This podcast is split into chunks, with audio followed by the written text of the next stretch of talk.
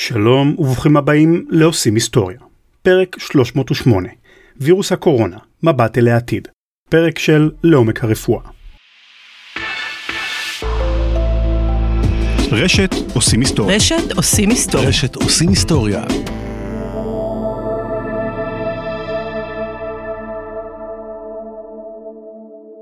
Tranquility Base here. The Eagle has landed. עושים היסטוריה עם רן לוי.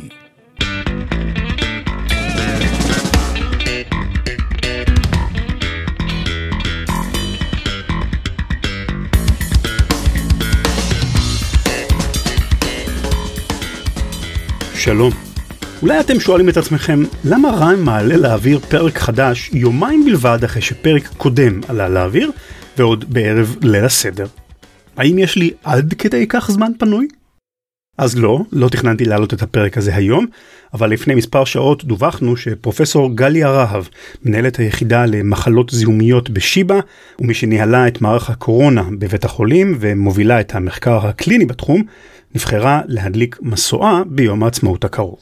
למרבה השמחה, פרופסור רהב היא גם האורחת בפרק שתשמעו מיד, פרק של הפודקאסט לעומק הרפואה, שאנחנו מפיקים עבור חברת התרופות סנופי.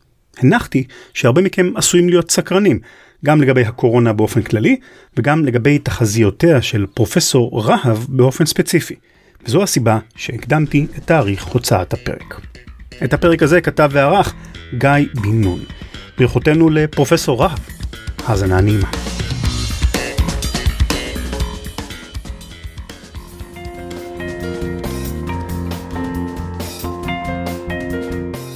לעומק הרפואה, שירות לציבור של חברת סנופי.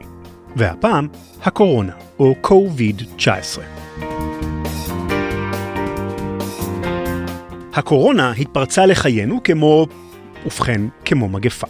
זה התחיל מדיווחים מעורפלים מסין, ובמהרה תפס את כל הכותרות, כשהמספרים קופצים מדי יום עם מעברי הגבול של הווירוס. ועם הכותרות הגיע המידע. המון מידע. כל כתבה מתיימרת להציג זווית אחרת, להביא מידע חדש ובלעדי, וקשה להאמין איך בתוך כל בליל המידע הזה מוצאים את עצמנו כולנו די אובדי עצות. בתוך אינסוף הכתבות, החדשות והדיווחים, אנחנו מרגישים שעדיין יש דברים שאנחנו לא יודעים, ובראשם השאלה הגדולה, מה אפשר לעשות נגד הקורונה?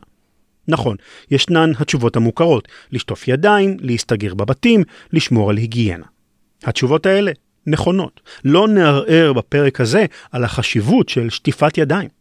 אבל בכל זאת, האם זה הפתרון המוחלט והיחיד? אילו עוד אמצעים ופתרונות נמצאים במחסנית שלנו? בתקופה בה כל ציוץ אקראי בטוויטר הופך לדיון מדעי, צריך לדעת את מי לשאול כדי לקבל תשובות שאפשר לסמוך עליהן. לאדם שאליו פנינו, יש מה לומר, קודם כל, על הצפת המידע שאנחנו חווים בימים אלה. זה איזה מילה חדשה שאני המצאתי, יש לי עליה פטנט, שאני נתתי לה את השם אינפודמיה.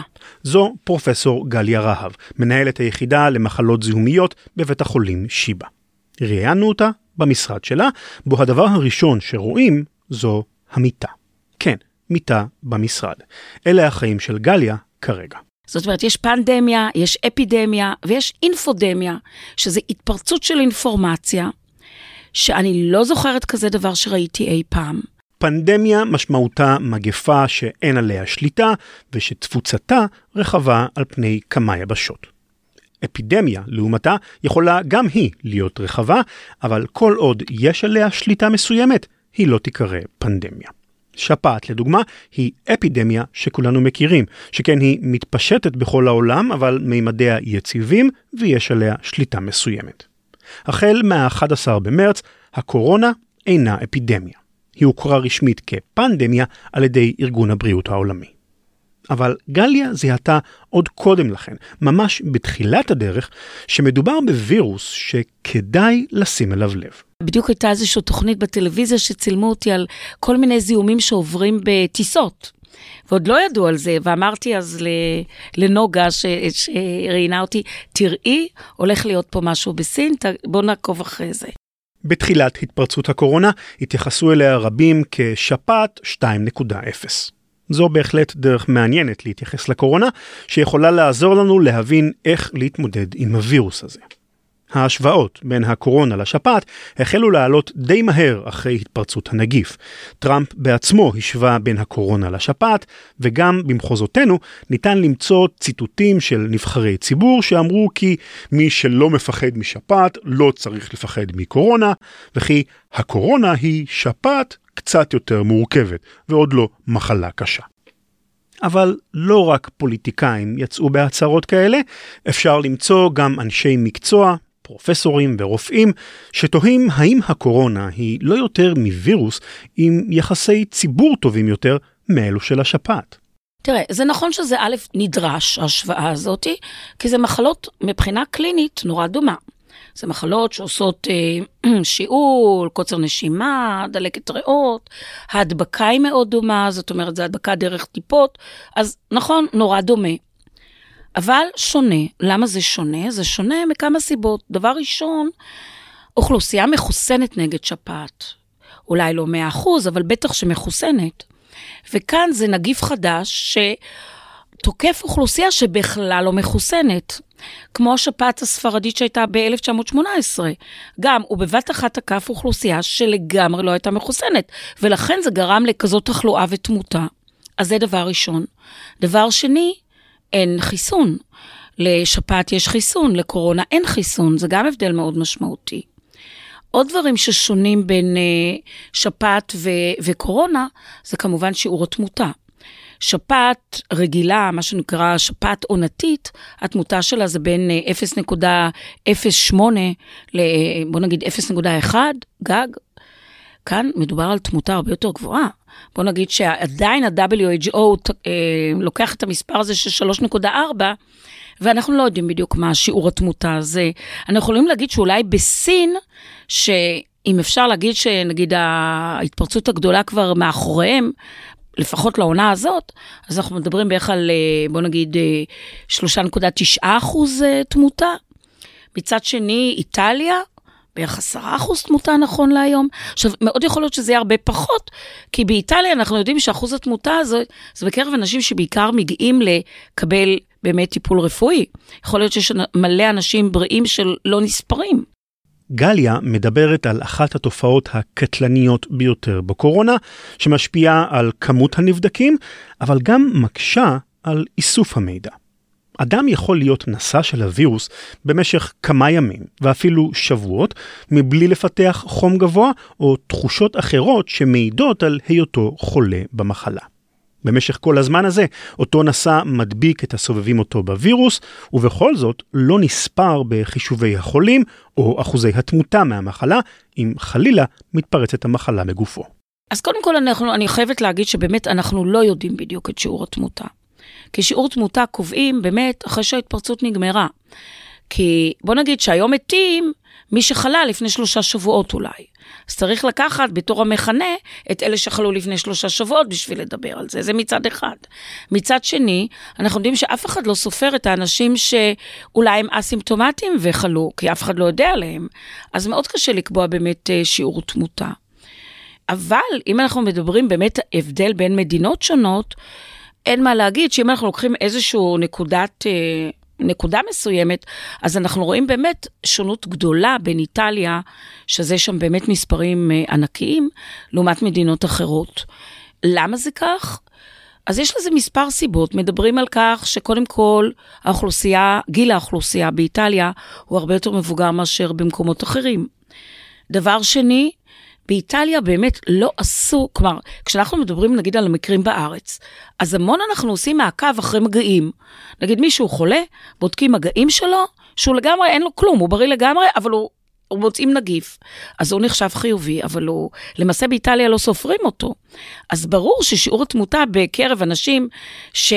מוצאים אותם, מאתרים אותם בשיטות של tracing, של מעקב, הוא הרבה יותר נמוך מאשר בקרב אנשים שמגיעים בום טראח לחדר מיון עם דלקת ריאות. ברור שזה שונה. סוגיית הנשאים האסימפטומטיים בלטה במיוחד עם הגעתם של הישראלים מספינת הקורונה שעגנה ביפן, ועליה 15 ישראלים. אנחנו ראינו את זה, אנשים חזרו אל, אה, לארץ כאילו שליליים, ופתאום מצאנו שהם חיוביים, והם היו בריאים לגמרי, והם הפרישו את הנגיף פה, היו כאלה חודש. חודש יש את הנגיף במערכת הנשימה, והם בריאים לגמרי. עכשיו, יתרה מזאת, עוד בספינה, שזה לא מודל לשום דבר, כי זה אנשים שנמצאים בצפיפות ביחד הרבה זמן. אבל בדקו את האנשים, בדקו אותם כל הזמן, כי רצו להוציא מהספינה אנשים שהיה להם את הנגיף. והם מצאו ש-50% היו אסימפטומטיים. סוגיית הנשאים האסימפטומטיים, זאת אומרת, אנשים שחולים בנגיף מדביקים אנשים אחרים, אבל כלל לא מרגישים שהווירוס אצלם בגוף, היא עוד פרט חשוב וקריטי שנלמד עם הזמן על הווירוס. הזמן שעבר בין ההתפרצות הראשונית בסין ועד שהנגיף היכה בארץ, אפשר למומחים להתכונן וללמוד על המחלה. בנוסף, גם החולים ספינת הקורונה נתנו למערכת הזדמנות ללמוד מקרוב על הנגיף לפני שהוא הגיע בכל עוצמתו. למדנו, אה, א', שמחלה במרביתם מאוד מאוד קלה. שאם זה היה, בוא נגיד, אה, לא קורונה, ולא משרד הבריאות מכריח לאשפז אותם, בחיים הם לא היו מאושפזים החולים. חולים נורא קלים. עכשיו, מה למדתי על הנגיף? אז למדתי, התחלתי להגיד שבאמת בהתחלה זו מחלה נורא קלה. אבל אחרי שבוע, פתאום הבן אדם יכול לקרוס לך, יכול, אה, אנחנו ראינו את זה, פתאום מפתח דלקת ריאות קשה, פתאום הוא נורא חולה. אז הקטע הזה הוא מאוד, מאוד חשוב. אני למשל עכשיו, ממה שלמדתי לפני חודש וחצי, אני יודעת שנגיד חולים, וזה, וזה קשה לי לראות, נגיד היה לנו כאן חולה שהגיע לפני כמה ימים, איש מבוגר עם מחלות רקע, שעד שבאו לבדוק אותו בבית, לקח שלושה ימים. עד שהודיעו לו שיש לו קורונה, לקח עוד ארבעה ימים. עבר השבוע הזה. ואז הוא הגיע לכאן לחדר מיון. ובדרך, כלומר, הגיע, היו צריכים להנשים אותו, ולצערי הרב אתמול הוא נפטר. עכשיו, הוא היה חולה מאוד עם מחלות רקע קשות וכולי, ואני לא, כאילו, לצערנו גם אין ממש טיפול שאני יכולה להגיד שהוא באמת, אה, אפשר היה למנוע את זה ולטפל בו, בניגוד למחלות אחרות, אז אני לא יודעת אם זה היה קורה אחרת, זה, זה היה משנה הרבה, אבל, אבל אולי. אה, אז, אז הקטע הזה באמת של אה, ללמוד שאחרי שבוע באמת המחלה, אפשר לקרוס בה, גם בן אדם יחסית בלי מחלות רקע, נורא צריך לשים לב לזה. סוגיית הטיפול היא אחד הנושאים הרגישים ביותר במגפה, ומופנים אליה מאמצים ומשאבים רבים. נכון להקלטת שורות אלה, אין תרופה למחלה, וניסיונות הטיפול מערבים תרופות מגוונות מתחומים שונים, בהתאם למה שאנחנו יודעים על מנגנון הפעולה של הנגיף. מה שקורה שהנגיף הזה, יש לו קולטנים במערכת הנשימה. יש קולטן אחד שהוא, שהוא ידוע, שקוראים לו ACE2. זה מין כזה קולטן שהנגיף בא, מתחבר אליו וחודר פנימה לתוך הריאות, לתוך מערכת הנשימה העליונה, ואחר כך לתוך הריאות. תזכרו את הקולטן הזה, אנחנו עוד נשוב אליו. עכשיו, יש עוד אה, רצפטור, אה, קוראים לו פרוט, אה, סירין פרוטאז, לא משנה, סירין אה, כזה, חלבון כזה, שהוא גם עוזר לווירוס לחדור לתוך ה, אה, דרכי הנשימה. אז הווירוס הזה חודר דרך הקולטנים האלה לדרכי הנשימה העליונה. לא תמיד הוא חודר למטה לדרכי הנשימה התחתונה, ואם הוא חודר לדרכי הנשימה התחתונה אז הוא עושה דלקות ריאה. והסיבוכים הגדולים של הנגיף הזה, זה מה שנקרא אי ספיקה נשימתית, אה, ARDS, זה, אה, זה Adult Respiratory Distance Syndrome, זה תסמונת מצוקה נשימתית, שזה הבעיה העיקרית של הנגיף הזה. הוא יכול לעשות שוק, הוא יכול לעשות, למשל, יש לנו עכשיו חולה עם דלקת קשה של שריר הלב, מה שנקרא מיוקרדיטיס. אז כן, הוא יכול לעשות uh, הרבה סיבוכים. עכשיו, למה זה חשוב לדעת את הקולטנים האלה? כי יכול להיות כל מיני תרופות שמשפיעות על החדירה, מונעות אותה, אולי מזרזות אותה, ויש המון תיאוריות, למשל כל מיני תרופות ללחץ דם. יש כאלה משפחה של תרופות שקוראים ACE inhibitors, תרופות שהמון משתמשים בהן. כן משפיעים על המחלה, לא משפיעים על המחלה. תרופות ה-ACE inhibitors הן תרופות שמשמשות בעיקר להורדת לחץ דם. תרופות ה-ACE inhibitors מעכבות את אנזים ה-ACE שנמצא במקומות רבים בגוף ובמיוחד בריאות. בכך שהן מעכבות את האנזים, הן משפיעות על לחץ הדם, מפני של-ACE חלק חשוב במערכת ההורמונלית שמבקרת על לחץ הדם ארוך הטווח. כפי שציינה פרופסור רהב, השפעתן של תרופות אלה על חולי הקורונה עדיין לא ברורה. תרופות אלו הן ממש לא התרופות היחידות שהשפעתן על חולי קורונה שנויה במחלוקת. משפחה נוספת של תרופות שיצרו הד תקשורתי רחב הן תרופות האיבופרופן. את האיבופרופן אנחנו מכירים כאדוויל ונורופן למשל, וייעודן להקל על חום וכאב. האיבופרופן הוא חלק ממשפחה גדולה יותר של תרופות NSAIDs, ראשי תיבות של Non-Steroidal Anti-Inflammatory Drugs, או בתרגום, תרופות נוגדות דלקת שאינן סטרואידים. במספר כלי תקשורת נטען כי האיבופרופן גורם להידרדרות במחלה, וכי לא מומלץ לקחת תרופות ממשפחה זו כדי להוריד חום ולהקל על כאבים אם יש חשש לקורונה. האם יש אמת בטענות האלה? טוב, אז אתם זוכרים את קולטני ה-ACE2 שפרופסור רהב הזכירה קודם לכן, ואמרה שאליהם הנגיף מתחבר? הטענה שעלתה נגד האיבופרופן היא שהוא מגביר את כמות קולטני ה-ACE2 ובכך עוזר לנגיף להתרבות ולהגיע עמוק יותר לדרכי הנשימה. לפרופסור רהב מצידה יש דעה די נחרצת בנושא. התרופות הלא סטרואידליות נגד דלקת, מה שאנחנו קוראים NSAID, שברופן זה אחת הדוגמאות, אז יצא איזשהו תיאור בצרפת, גם לא תיאור מדעי, שאמר שאנשים שקרסו, מצאו איזה ארבעה אנשים שקרסו, שקיבלו לפני כן את תרופות נגד דלקת. ואז אמרו, כן, תרופות נגד דלקת גורמות ל... אה, גורמות ל... אסור לתת אותן ב-COVID-19, הן גורמות להחמרה. יצאו כל מיני ארגונים של הרוקחים וכל מיני ארגונים אחרים, ואמרו, לא היה ולא נברא. עכשיו קיבלתי גם איזה מידע אה, באמת של אה, כאילו אינפוד... במסגרת האינפודמיה על משהו באיטליה, שאנשים גם באיטליה מתו בעקבות הטיפול באנסייד. עכשיו תראה, אני לא ראיתי איזושהי עבודה מדעית על הנושא, שום עבודה מדעית. אנחנו בגדול, באנשים מבוגרים שהם חולים, אנחנו לא אוהבים לתת את התרופות האלה. בלי קשר לקוביד-19, כל מחלה. למה?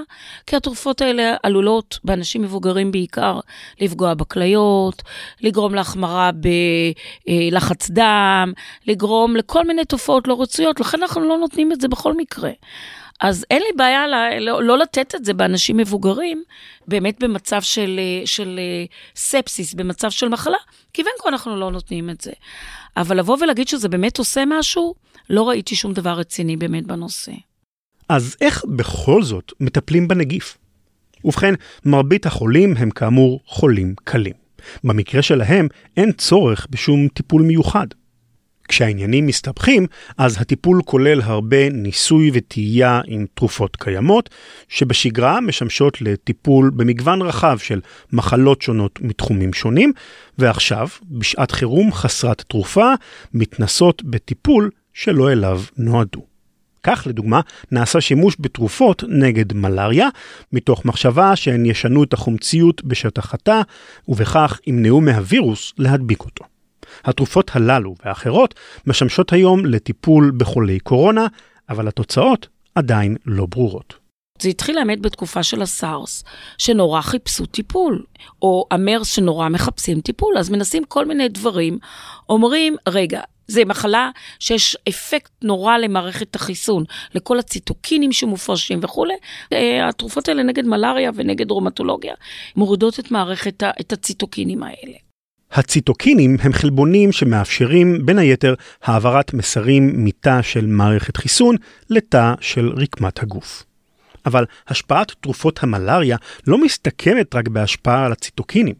הטיפול הזה משנה דבר נוסף. עוד דבר, אנחנו יודעים שהוא משנה מאוד את החומציות, הוא מעלה את, הוא מעלה את הבסיסיות בתוך התאים של המערכת החיסון בצורה כזאת, הוא מונע שכפול וכל מיני תהליכים חשובים בחיידקים ובנגיפים. ולכן היה הרעיון לבדוק את זה, ואז בדקו את זה באמת במעבדה, ורואים שזה יעיל. ואם זה יעיל במעבדה, הולכים למחקרים קליניים באמת לבדוק את זה.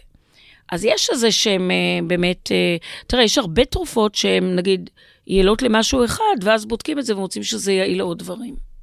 בינתיים, במקביל לניסיונות הקדחתניים למציאת תרופה, ממשיכים ברחבי העולם לנסות ולהשתמש בתרופות קיימות. אנחנו במצב די בעייתי, כי אני יכולה להגיד לך שאין שום הוכחה שמשהו עוזר בשלב הזה. יכול להיות שעוד חודש, חודשיים נגיד אחרת. אבל כרגע, לבוא ולטפל סתם, אני, אני, זה קשה. נגיד, יש תרופה נגד, אה, נגד HIV, נגד איידס. האם אנחנו יודעים, התרופה הזאת כבר לא בשימוש, כי אה, א', יש תרופות הרבה יותר יעילות והרבה פחות רעילות, זה הדבר העיקרי. עושה המון שלשול ו, אה, והקאות וחוסר תיאבון. אז לא רציתי, לשת... לא רציתי לתת את זה, והיום באמת יצאה עבודה שזה לא יעיל. אבל נותנים המון תרופות סתם, ואני אומרת שאנחנו חייבים לטפל רק במסגרת מחקרים קליניים, בשביל ללמוד. אבל סוגיית התרופות, או היעדרן, היא לא הבעיה היחידה בטיפול. הטיפול בחולים המבודדים מציב אתגר נוסף בשביל הצוות הרפואי, לתת טיפול איכותי מבלי לבוא במגע עם החולה. כל מגע עם החולה מציב את הצוות המטפל בסכנת הדבקה, כך שהתקרבות לחולה צריכה להתבצע רק עם ציון מיגון מקסימלי, וכל עוד אפשר להימנע ממגע, נמנעים. בשביל לצמצם למינימום ההכרחי את המגע עם החולים, הצוות הרפואי משתמש בשורה של טכנולוגיות מתקדמות, שבעזרתן בודקים את החולים ומתקשרים איתם מרחוק. זהו הטלמדיסין. במתחם הזה, מה שאנחנו קוראים לו פנימית קורונה, אז הבן אדם קודם כל נכנס לחדר, כשהוא נכנס לאשפוז, יש לו מדלחץ דם, שאנחנו מלמדים אותו דרך הטלמדיסין איך להשתמש בזה, איך לשים, איך לבדוק, ומראים לו את זה גם. מראים, אתה רואה, זה המכשיר, תעשה ככה, תעשה ככה. אה, יש לו מד סטורציה שבודק את החמצן, יש דופק. עכשיו, אם הוא שוכב על המיטה, יש כזאת מערכת שקוראים לה early sense, שבודקת את הנשימות שלו. בודקת גם כל מיני trends, כל מיני אה, נטייה, האם יש פתאום נטייה להחמרה, נטייה לשיפור. אה, יש, למשל, כשאני נכנסתי פנימה, ורציתי לבדוק את הבן אדם, אז אני עם סרבל, אני רוצה לבדוק עם הסטטוסקופ. אני, לא, אני שמה סטטוסקופ, לא שומעים כלום, אי אפשר. וכאן, מה אומרים לבן אדם? בוא תשים, תיקח את זה, יש מערכת כזאת, קוראים לה Tyto. אומרים לבן אדם, תשים את זה פה, ואני עם אוזניות שומעת פי אלף יותר טוב. שומעת את הלב, שומעת את הריאות, שומעת, רואה את הכל, שומעת את הבטן, שומעת את הדברים. הכלים הטכנולוגיים השונים מספקים לצוות הרפואי מידע רציף אחר מדדיהם של החולים וקצב החלמתם או הידרדרותם. הטיפול בחולים שמצבם הידרדר לאורך האשפוז, או כאלה שהגיעו לבית החולים בשלב מתקדם של המחלה, מערב לפעמים גם מכונות הנשמה. כשהווירוס חודר לריאות וגורם לדלקת ריאות קשה, זו הדרך היחידה להשאיר את אותם חולים בחיים. ההשלכות ארוכות הטווח על החולים שמגיעים למצב הזה טרם ברורות. כרגע הסטטיסטיקות שמי שמגיע להנשמה בטיפול נמרץ וכולי, סטטיסטיקות שבערך שני שליש נפטר ושליש נותר בחיים. כן, זה לא נחמד. אז השליש הזה שנותר בחיים, האם הם יצאו עם שירים בריאות? יכול להיות. עם מחלת ריח אה, קשה? יכול להיות. האם הם יצאו עם שירים אה, בלב? גם יכול להיות. יש איזושהי עבודה מסיאטל שהראתה בקרב, נכון, מספר קטן, רק 21 מטופלים שהיו בטיפול נמרץ, בטיפול נמרץ, שליש מהם היה להם פגיעה קשה בלב. אז האם יהיה להם פגיעות קרדיאליות, פגיעות אה, בר... כרוניות בריאה? בהחלט יכול להיות, עייפות כרונית, המון דברים יכול להיות. דבריה של פרופסור רהב לא פשוטים לשמיעה בלשון המעטה. הנתונים הקשים שהיא מספקת בנוגע לסיכויי הישרדותם של המונשמים, לצד הווידוי הכן על חוסר הידיעה הרב שאופף את הטיפול במחלה, עושים חשק לצלול למיטה במשרד של פרופסור רהב ולא לקום עד שיגיע החיסון שכולם מייחלים לו. למעשה, ישנם שני סוגים עקרוניים של חיסונים, פעיל וסביל, או חיסון אקטיבי וחיסון פסיבי. מה הם שני סוגי החיסונים האלה? בחיסון אקטיבי אנחנו מכניסים לתוך הגוף וירוסים מומתים או מוחלשים, מעין גרסה מרוככת של המחלה, והמערכת החיסונית של הגוף לומדת להתמודד מול הנגיף המוחלש בכוחות עצמה. לשם ההסבר, הנה דוגמה שכל הורה יכול להזדהות איתה. כשרציתי ללמד את בתי הבכורה לרכוב על אופניים, עשיתי את מה שעושה כל אבא רציני ומשקיען. תקעתי לה מקל של מטאטא בסבל של האופניים, רצתי אחריה והצבתי אותה כדי שלא תיפול. אבל הבעיה עם הגישה הזו ללימוד רכיבה על אופניים היא שאבא, איך נאמר זאת בעדינות, הוא לא בדיוק אצן אולימפי, ועד שהילדה למדה לשמור על שיווי משקל בכוחות עצמה, אני כמעט נפחתי את נשמתי. בהקבלה למחלה, פיתוח של חיסון אקטיבי יכול לקחת חודשים עד שנים. מעבדות רבות בעולם משקיעות את מיטב אנשיהם ומשאביהם כדי שהמועמד שלהם, קנדידט בעגה המקצועית, יהפוך בסופו של דבר לחיסון מאושר ולגיטימי. התהליך שקנדידט כזה עובר עד אישורו מורכב מכמה שלבים. אם באמת זה קנדידט טוב, אז צריך קודם כל לבדוק אותו במתנדבים. לוקחים בדרך כלל כמה עשרות מתנדבים, נותנים את זה, ורואים שזה באמת אה, לא רעיל, זה דבר ראשון. אחר כך הולכים לשלב הבא, שלוקחים כמה עשרות, אפילו 200 אנשים. קודם כל בודקים גם safety, זאת אומרת גם בטיחות, וגם efficacy, שזה יעילות. רואים אם הבן אדם מפתח נוגדנים, כמה, ואחרי שרואים שזה באמת יעיל, אז הולכים באמת למחקר הרציני, מה שנקרא פאזה 3, שזה לוקחים, שוב, תלוי איזה מחקר, יש מחקרים שזה עשרות אלפים של אנשים. אה, ונותנים את זה ורואים באמת כמה זה יעיל בלמנוע את המחלה, או באמת בהתפתחות של נוגדנים. נשמע טוב. הבעיה? טוב, אתם כבר יודעים. תהליך כזה לוקח בממוצע לפחות שנה וחצי. לא יכול להיות, אתם בטח חושבים. חייב להיות איזשהו קיצור דרך לכל הבירוקרטיה הזו. ובכן, יש פתרון מסקרן שיכול להיות קצר יותר, החיסון הסביל, הפסיבי. מהו החיסון הסביל? ובכן, עם הילדים השני והשלישי, נקטתי בשיטה אחרת. במקום לרוץ אחריהם עם המוט בסבל, השארתי להם את גלגלי העזר. יש גלגלי עזר, אין נפילות, הבעיה נפתרה. בהקשר של חיסונים, גלגלי העזר הם נוגדנים. לקחת באמת דם של חולים שהבריאו, להפיק נוגדנים, לסנטז אותם, ללמוד מהנוגדנים שאנחנו רואים בבן אדם, ליצור באמת אה, חיסון אה, אה, שמפתחים אותו במעבדה, ולתת אותו כחיסון פסיבי. פיתוח חיסון פסיבי הוא מהיר ופשוט יותר מזה של חיסון אקטיבי, אבל יש לו בעיה אחת מרכזית. במקרה של האופניים, אמנם לא הייתי צריך יותר לרוץ אחרי הילדים, אבל הם גם לא באמת למדו לרכוב. אני יודע שאני רק דוחה את הקץ, אבל בסופו של דבר הם יהיו חייבים לוותר על גלגלי העזר, ואני אהיה חייב לרוץ אחריהם במוקדם או במאוחר. וכשמדובר בחיסון פסיבי, הגוף גם כן לא לומד להתמודד עם המחלה בכוחות עצמו, ולא לומד לפתח את הנוגדנים שמתאימים לה. בעוד שנה או שנתיים, כשיצטרך להתמודד איתה שוב, הגוף יהיה חסר הגנה לחלוטין. אז כן, יש יתרונות ברורים לחיסון פעיל. אבל בהתחשב בסיטואציה שנוצרה, עם המוני חולים ומחסור במכונות הנשמה ברחבי העולם, לא כדאי לתת גלגלי עזר בתור התחלה? כדאי, ברור שכדאי. אז אנחנו בהחלט עובדים על זה באמת אה, כאן בארץ. עוד לא הבריאו כל כך הרבה חולים בשביל באמת לייצר את זה, אבל זה בהחלט נמצא עמוק בעבודה. פרופסור רהב הזכירה פה כבדרך אגב עובדה מדאיגה. עוד לא הבריאו כל כך הרבה חולים. למה זה ככה? מדוע אנחנו רואים את כמות החולים ממשיכה לטפס, אבל העלייה במצבת המחלימים זזה לאט כל כך? פרופסור רהב טוענת שזה נובע מהרף הגבוה שצריך לעמוד בו כדי להכריז על חולה לשעבר כבריא, אפילו חולה אסימפטומטי. עכשיו, גם באסימפטומטים, בשביל לבוא ולהגיד עברי, זה כאילו לראות שתי בדיקות שליליות של אה, נגיף בהפרשות. וזה דבר לפעמים שלוקח חודש, חודשיים. עכשיו, כולו אנחנו כמה זמן עם המחלה הזאת? בקושי חודשיים וחצי? איך זה בהשוואה לשפעת? עושים בדיקה אחת, וזהו, לא חוזרים על זה. הוא מבריא קלינית, בשבילנו הוא עברי. ולא בודקים, כי אנחנו כאן עושים את כל הבדיקות האלה, כי זה משהו חדש שאנחנו לא יודעים אותו, לא מכירים אותו. אז לאן כל הסיפור הזה הולך?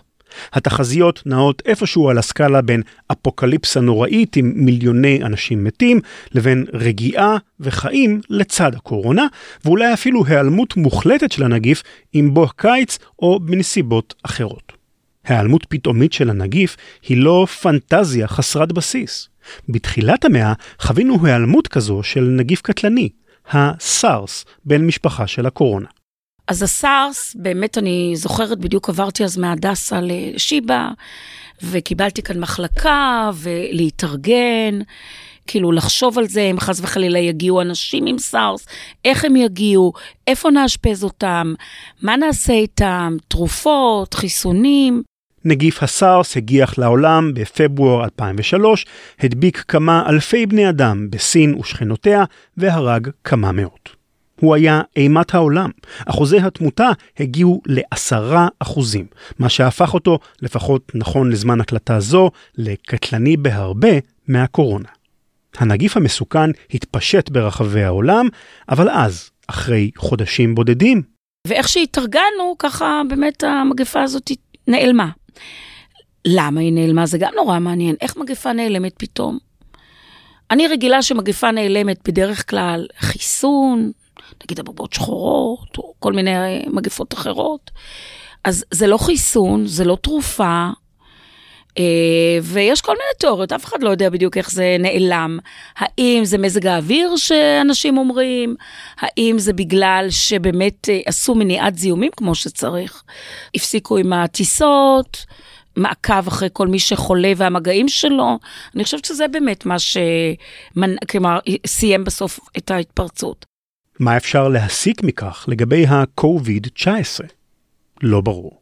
אפשר להאמין לתחזיות השחורות, אפשר להאמין שהנגיף ייעלם, כמו שקרה לבן משפחתו ב-2003, ואפשר להאמין למשהו באמצע. פרופסור רהב מצידה עייפה מהתחזיות הבלתי נגמרות. אני שומעת, קודם כל המודלים האלה מביאים לי נרבים. כי באמת, אתה לוקח מודל, כל אחד עושה את המודל שלו, וכל אחד יש לו נתונים אחרים, ובאמת זה מגוחך אפילו. יש אחד כזה, אחד כזה, אחד כזה, אחד כזה. לא יודעת. אני באמת לא יודעת. אני לא חושבת שזה יגבה כמו הסארס, אני חושבת שזה כן אה, ילך ויתפשט, ואני מקווה שאנשים פשוט תפתחו לזה חסינות. אם קיוויתם לבשורה חד משמעית, צר לי לאכזב אתכם, אבל אל תאמרו נואש. כמו ששמעתם בפרק, המסע אחר חיסון הולך וצובר תאוצה, וקיים סיכוי ממשי שחיסון פסיבי יפותח בטווח זמן סביר יותר משנה וחצי. ישנו אגב סוג חיסון נוסף שיכול להגיע מוקדם יותר מהתחזיות המחמירות, חיסון mRNA. ה-mRNA הוא שליח של מידע מה-DNA לתאי הגוף, ובמקרה זה הוא נושא עמו מידע לגבי אופן ייצוא הנוגדנים כנגד הנגיף. זה גם ההבדל המהותי בין חיסון mRNA וחיסון פסיבי. בחיסון פסיבי נותנים לגוף את הנוגדנים עצמם, בעוד שבחיסון mRNA נותנים לגוף את המידע כיצד לייצר אותם בעצמו. פיתוח חיסון זה הוא זול, מהיר ויעיל יותר מהאלטרנטיבות. אמנם טרם אושר בעולם חיסון כלשהו שמבוסס על השיטה הזו, אך בהחלט יכול להיות ששעתו הגיעה. בנוגע לתרופה המיוחלת, גם כאן ניתן לצפות להפתעות. ההיסטוריה המודרנית רצופה בתרופות שנרקחו לטיפול בדבר אחד, ולבסוף התגלו כיעילות בטיפול בדבר מה אחר. הדוגמה המפורסמת ביותר היא תרופה נגד אימפוטנציה, אבל זו בהחלט לא הדוגמה היחידה. ישנה גם תרופה שמשמשת לטיפול בקרון, אבל במקור נועדה לטיפול במחלת עור, או תרופה לטיפול בטרשת נפוצה, שייעודה המקורי הוא לטיפול בלוקימיה. אז נכון, יחלוף זמן מה עד שיתקבל קונצנזוס על תרופה כזו או אחרת, אבל ישנם כבר מספר חולים בעולם שהבריאו אחרי שהטיפול בהם כלל תרופה שקיימת כבר בשוק. כך או כך, אם הצלחנו לעשות לכם סדר בתוך האינפודמיה שאנחנו חווים בימים אלה, זו כבר נקודת אור. ובנוגע לבריאות שלנו, לא נותר אלא להמשיך ולבקש, שיתפו ידיים, היצמדו להוראות והאזינו לפודקאסטים.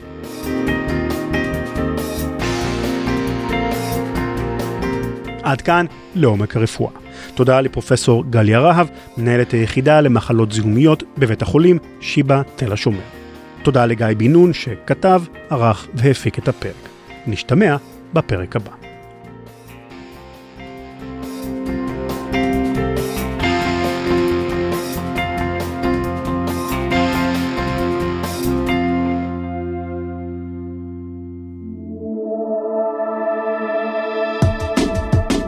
לפודקאסטים נוספים ולהצטרפות לרשימת התפוצה של התוכנית, בקרו באתר הבית של רשת עושים היסטוריה, בכתובת ranlevy.com ranlevy.com או הורידו את אפליקציית רשת עושים היסטוריה שבחנות האפליקציות של אנדרואיד.